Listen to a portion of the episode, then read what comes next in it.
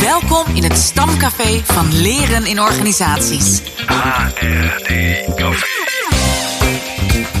Maak het jezelf gemakkelijk. Ontmoet vakgenoten en laat je verrassen door de laatste nieuwtjes. HRD Café. Kersttruien aan, champagne ligt koud, de kaarsen worden bijna ontstoken. We staan aan de vooravond van onze Kessels en Smit kerstbijeenkomst in Duitsland, in Essen deze keer. Dus uh, we kunnen elkaar nu eh, face-to-face -face ontmoeten om haar café op te nemen. Ja, Annelies en even, even wennen, hè, om elkaar recht in de ogen te kijken. Uh, heel, heel, heel tof. En mijn man die vroeg of we in het Duits zouden opnemen. Gekke vraag, daar gaan we ons absoluut niet aan wagen. Ehm, zeg maar Pieter Jan, heel belangrijk. Van harte gefeliciteerd, want uh, je hebt weer een boek geschreven en dit keer over het Development Center. Ja, en je hebt dat niet alleen geschreven, samen met Marijke natuurlijk. En ja, als ik het uh, boek begon door te nemen, viel mij vooral op wat een mooi praktisch boek het geworden is. Gestructureerd opgebouwd, met heldere taal. Het liet mij echt toe om mij een goed beeld te vormen van wat een development center is. Heerlijk. Nou, wat leuk om te horen, dank jullie wel. Ja, we kondigden het vorige week al even aan. Het boek over het development center, dat is verschenen. Uh, 100 pagina's over de achtergrond en aanpak uh, van deze leerinterventie. Ja, en ik ben blij dat het boek geschreven is, uh, want een DC kennen wij wel en vele HRD'ers kennen het ook als methode, maar in het boek vind ik dat jullie echt nog iets toevoegen om uh, aan te geven hoe het steunt ook op een manier van kijken naar leren. En uh, jullie schrijven erover, ik ga je letterlijk quoten Pieter Jan, het zou oneer zijn om dat niet te doen. Uh, jullie schrijven, er komt geen verandering of vernieuwing als mensen niet anders gaan kijken naar zichzelf en naar een omgeving en uiteindelijk iets anders gaan doen. Ja, dus wat, ons, wat, wat, wat, ons, wat mij betreft, uh, verandering ligt in het handelen van mensen. En met Absoluut. name als je ook naar de organisatie als een relatienetwerk kijkt, dan uh, is dat een essentie. En uh, hoe ga je anders handelen? Ja, dat komt soms doordat je anders gaat kijken naar de mensen om je heen of naar jezelf. Of dat je ook gewoon dingen gaat oefenen. En ja. daar gaat het over in het Development Center. Ja, we kunnen er nog veel meer over vertellen. En uh, meer in het bijzonder, Pieter Jan. U werd er vorige week uh, samen met je co-auteur Marijke Boesenkool over geïnterviewd door Saskia Tjepkema en Suzanne Verdonschot.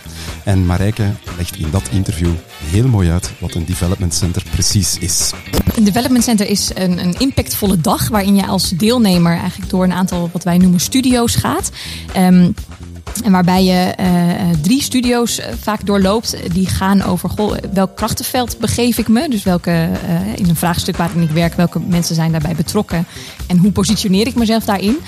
Je gaat ook een gesprek aan met iemand. Vaak met een echte collega uit het werk met wie je iets te doen hebt. Waarvan je zegt, god, daar wil ik graag een gesprek mee voeren. en in dat gesprek word je eigenlijk gecoacht om dat effectiever te doen. Door middel van time-outs. En een studio waarin je reflecteert op je overtuigingen. Die soms in de weg zitten als je bijvoorbeeld iets anders wilt gaan doen en dat je steeds een gedachte hebt van, oh, maar weet ik wel alle informatie bijvoorbeeld, hè, dan kan die overtuiging je weerhouden om iets op tafel te leggen. Um, en in die studio's word je dus eigenlijk heel erg uh, in kleine uh, in duo's begeleid door begeleiders. En aan het eind van zo'n dag worden de verschillende beelden, dus de verschillende dingen die er gebeuren in die studio's, bij elkaar gebracht. En ontstaat er eigenlijk een plaatje van jou als professional in de context waarin je je begeeft. Um, waarbij we kijken naar goh, welke talenten en kwaliteiten van jou waren nou heel zichtbaar. En waar uh, zit ook potentieel om nog verder te groeien. En je krijgt een aantal handvatten mee om daar handen en voeten aan te geven. Ja, het was Harm Tillema die in 1996 voor het eerst schreef over development centers. Bij mijn weten in ieder geval, in, uh, in de lage landen. En uh, de aanpak van de methode was daarin eigenlijk niet eens zo heel veel verschillend van zoals we DC nu kennen. toch zagen Marijke en ik juist ook wel in deze tijd aanleiding om het gedachtegoed weer eens even goed onder woorden te brengen. En we zien namelijk ook dat juist deze tijd zich echt leent om in de praktijk ook te werken aan strategische organisatiebewegingen. Ja, want jullie schrijven over de organisatie als een relatienetwerk. Hè. Je noemde het woord daar juist al. En over een zogenaamd, hè, dat, dat woord was echt nieuw voor mij, Pieter Jan, vlinderuniversum. Waarin oorzaak en gevolg niet altijd meer logischerwijs op elkaar volgen. Ja, klopt. Dat, dat is, komt uit onderzoek van uh, een, een, onderzoek waaruit blijkt dat een, een, een, vlinderslag uh, eigenlijk een orkaan kan uh, oh. veroorzaken. Ah, ja. En we zien daar een parallel met wat er gebeurt in organisaties. Momenteel worden we ook voor problemen gesteld die we eigenlijk niet hadden kunnen voorspellen. Ik werk bijvoorbeeld momenteel veel met ziekenhuizen die voor corona het idee hadden om een soort hotel voor hun patiënten te worden. Maar na corona is dat 180 graden anders en hebben ze zoiets van we moeten eigenlijk zoveel mogelijk patiënten buiten de deur houden. In die zin van dat we op andere manieren oplossingen moeten bedenken om uh, die patiëntenzorg ook vorm te geven. Dat is echt compleet anders. Ja, compleet anders. Maar Als je als organisatie dan zo'n 180 graden beweging wilt gaan maken, hoe kan een development center daaraan dan bijdragen? Ja, wij pogen in het Development Center eigenlijk uh, zo'n hele grote beweging te vertalen naar concrete handelingen. En dat niet als gedragsindicatoren of iets dergelijks, maar meer vanuit kritische momenten en kritische situaties. Dus het vertrekpunt van het Development Center zijn eigenlijk kritische momenten die zich kunnen voordoen, waarin de beweging zich manifesteert. En dan is eigenlijk de vraag, hoe kan je daar nou als leider of als professional ook in, um, in handelen? Voor een van de ziekenhuizen bijvoorbeeld waar ik werk gaat het over uh, afdelingsoverstijgend werk of, of uh, werk over organisatiegrenzen heen. En uh, ja, dan, dan, kun je dat vertalen eigenlijk in hele kritische momenten, kritische situaties.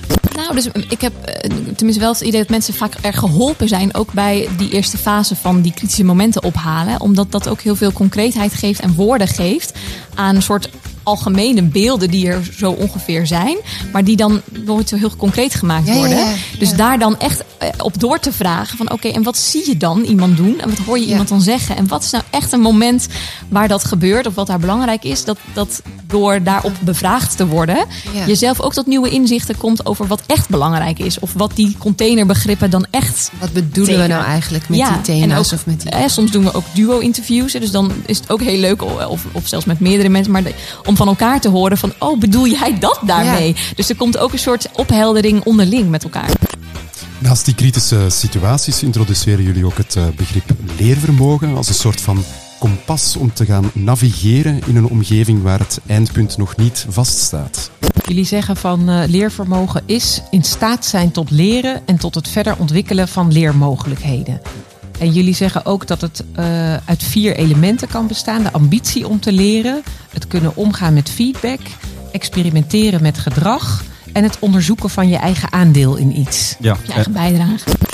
Ja, je zegt het mooi, Joep. Ik zou het bijna zelf geschreven kunnen hebben. Een kompas om te navigeren in een omgeving waar het eindpunt niet vaststaat. Want ja, als je niet weet waar je naartoe moet, hoe navigeer je dan? En wij denken dat leervermogen, dus het vermogen om te leren en je steeds aan te passen, dat dat een, een belangrijke sleutel is om je ook zeg maar, in deze tijd waarin uh, zoveel onvoorspelbare veranderingen zich voordoen, eigenlijk je op de toekomst te kunnen richten. Ja, en, en je wil uiteindelijk dat mensen die ruimte voelen om anders te gaan handelen in die organisatie. Hè. En alleen zo kan dan die verandering concreet worden. Um, en ook letterlijk gestalte krijgen in die organisatie.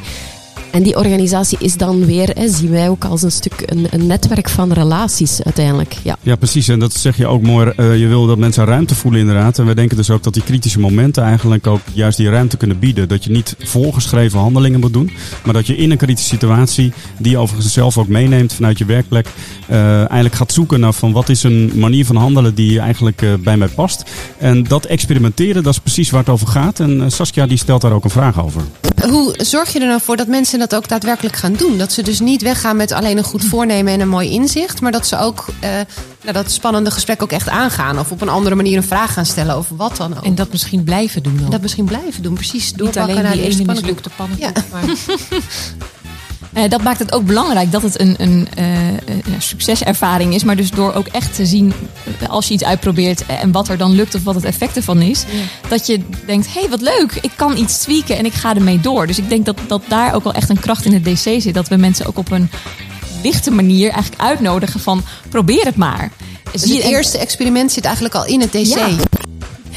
Pieter-Jan, help mij. Joep, wat is de pannenkoek?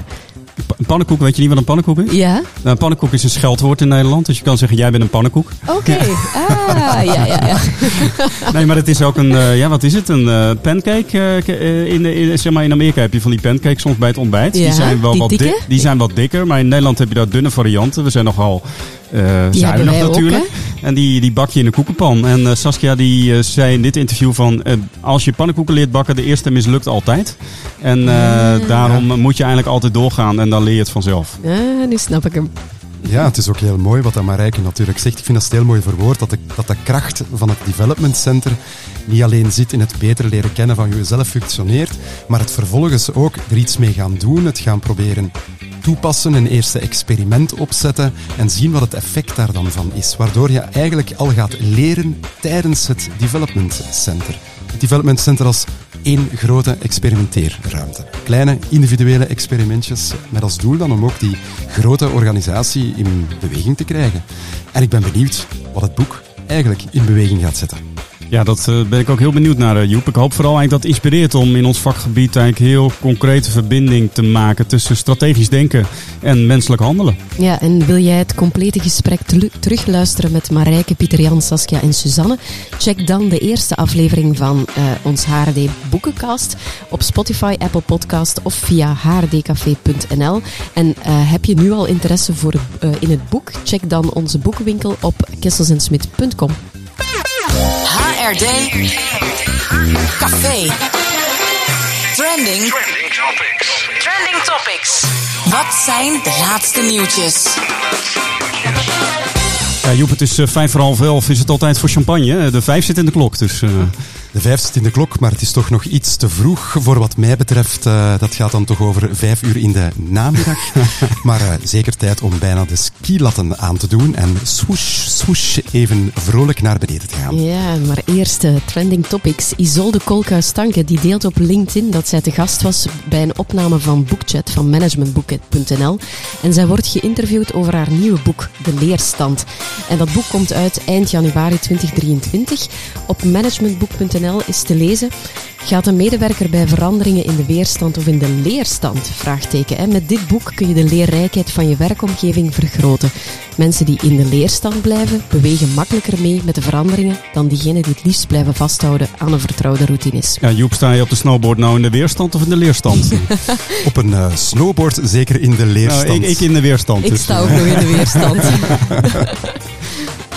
En dan gaan we over naar eh, Jelger Spijkerboer. En die zet wel een hele mooie foto op LinkedIn, namelijk van het fregat van de Nederlandse Koninklijke Marine, genaamd de Zeven Provinciën. Hij doet een langlopend actieonderzoek rondom sociale veiligheid. Wat een bijzondere omgeving schrijft hij. Ook voor mijzelf een heel leerzame week. Vandaag aan de slag met framing, voegt hij nog toe. Dat klinkt heel erg interessant, Jelger. Ga je de uitkomsten nog op LinkedIn delen? Wij zijn alvast heel erg benieuwd. Ja, en nog een aankondiging, zeker voor onze Vlaamse luisteraars. Op 26 januari in het nieuwe jaar organiseert bedrijfsopleidingen.be opnieuw de proeverijen. Eh, Het is een soort festival waarop je sessies en leerinterventies kan proeven. En in lijn met ons coverthema, eh, de DC's, kan ik eh, een beetje schaamteloos reclame maken, want ik zelf ga daar ook een proeverij doen rond het Development Center en hoe je het kan inzetten voor de organisatieverandering waar jij voor staat. En je vindt alle informatie op www.bedrijfsopleidingen.be en dan klikken op proeverijen. Ten slotte feliciteren wij Noor van Oosterhout. Eh, Zij deelt op LinkedIn dat ze gecertificeerd is als eh, NOPCO EMCC Senior Practitioner Coach. En eh, ze bedankt haar coaches, opdrachtgevers en, dat vind ik heel leuk, ook haar assessoren. En eh, zo hoort het wat ons betreft, want ook het assessment, dat is immers een belangrijk leermoment. Kennis in ontwikkeling. HRD Café. Tja, wie eh, gaat er nu grabbelen? Joost-Jan is er niet, Dirk is er niet. Nee, eh, ik voel me compleet incompetent. ja? Geef het aan Joep. In de weerstand? Ja, ja, eh, absoluut. ik, ben er, ik ben erop voorbereid, maar ik voel wel wat druk op mijn schouders als ik moet denken aan Terecht, het vervangen terecht. van Dat eh, lijkt me ook zeer terecht. Maar eh, nou ja, we gaan het gewoon proberen, Joep. Eh, we zien wel. Ja. Experimenteren. De eerste pannenkoek kan altijd mislukken. Start het trobbelgeroffel.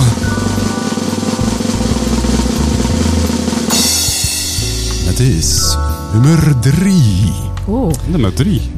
Doelbewuste training vindt plaats buiten iemands comfortzone en vereist dat de persoon in kwestie voortdurend probeert om net iets boven zijn of haar huidige vermogen te presteren.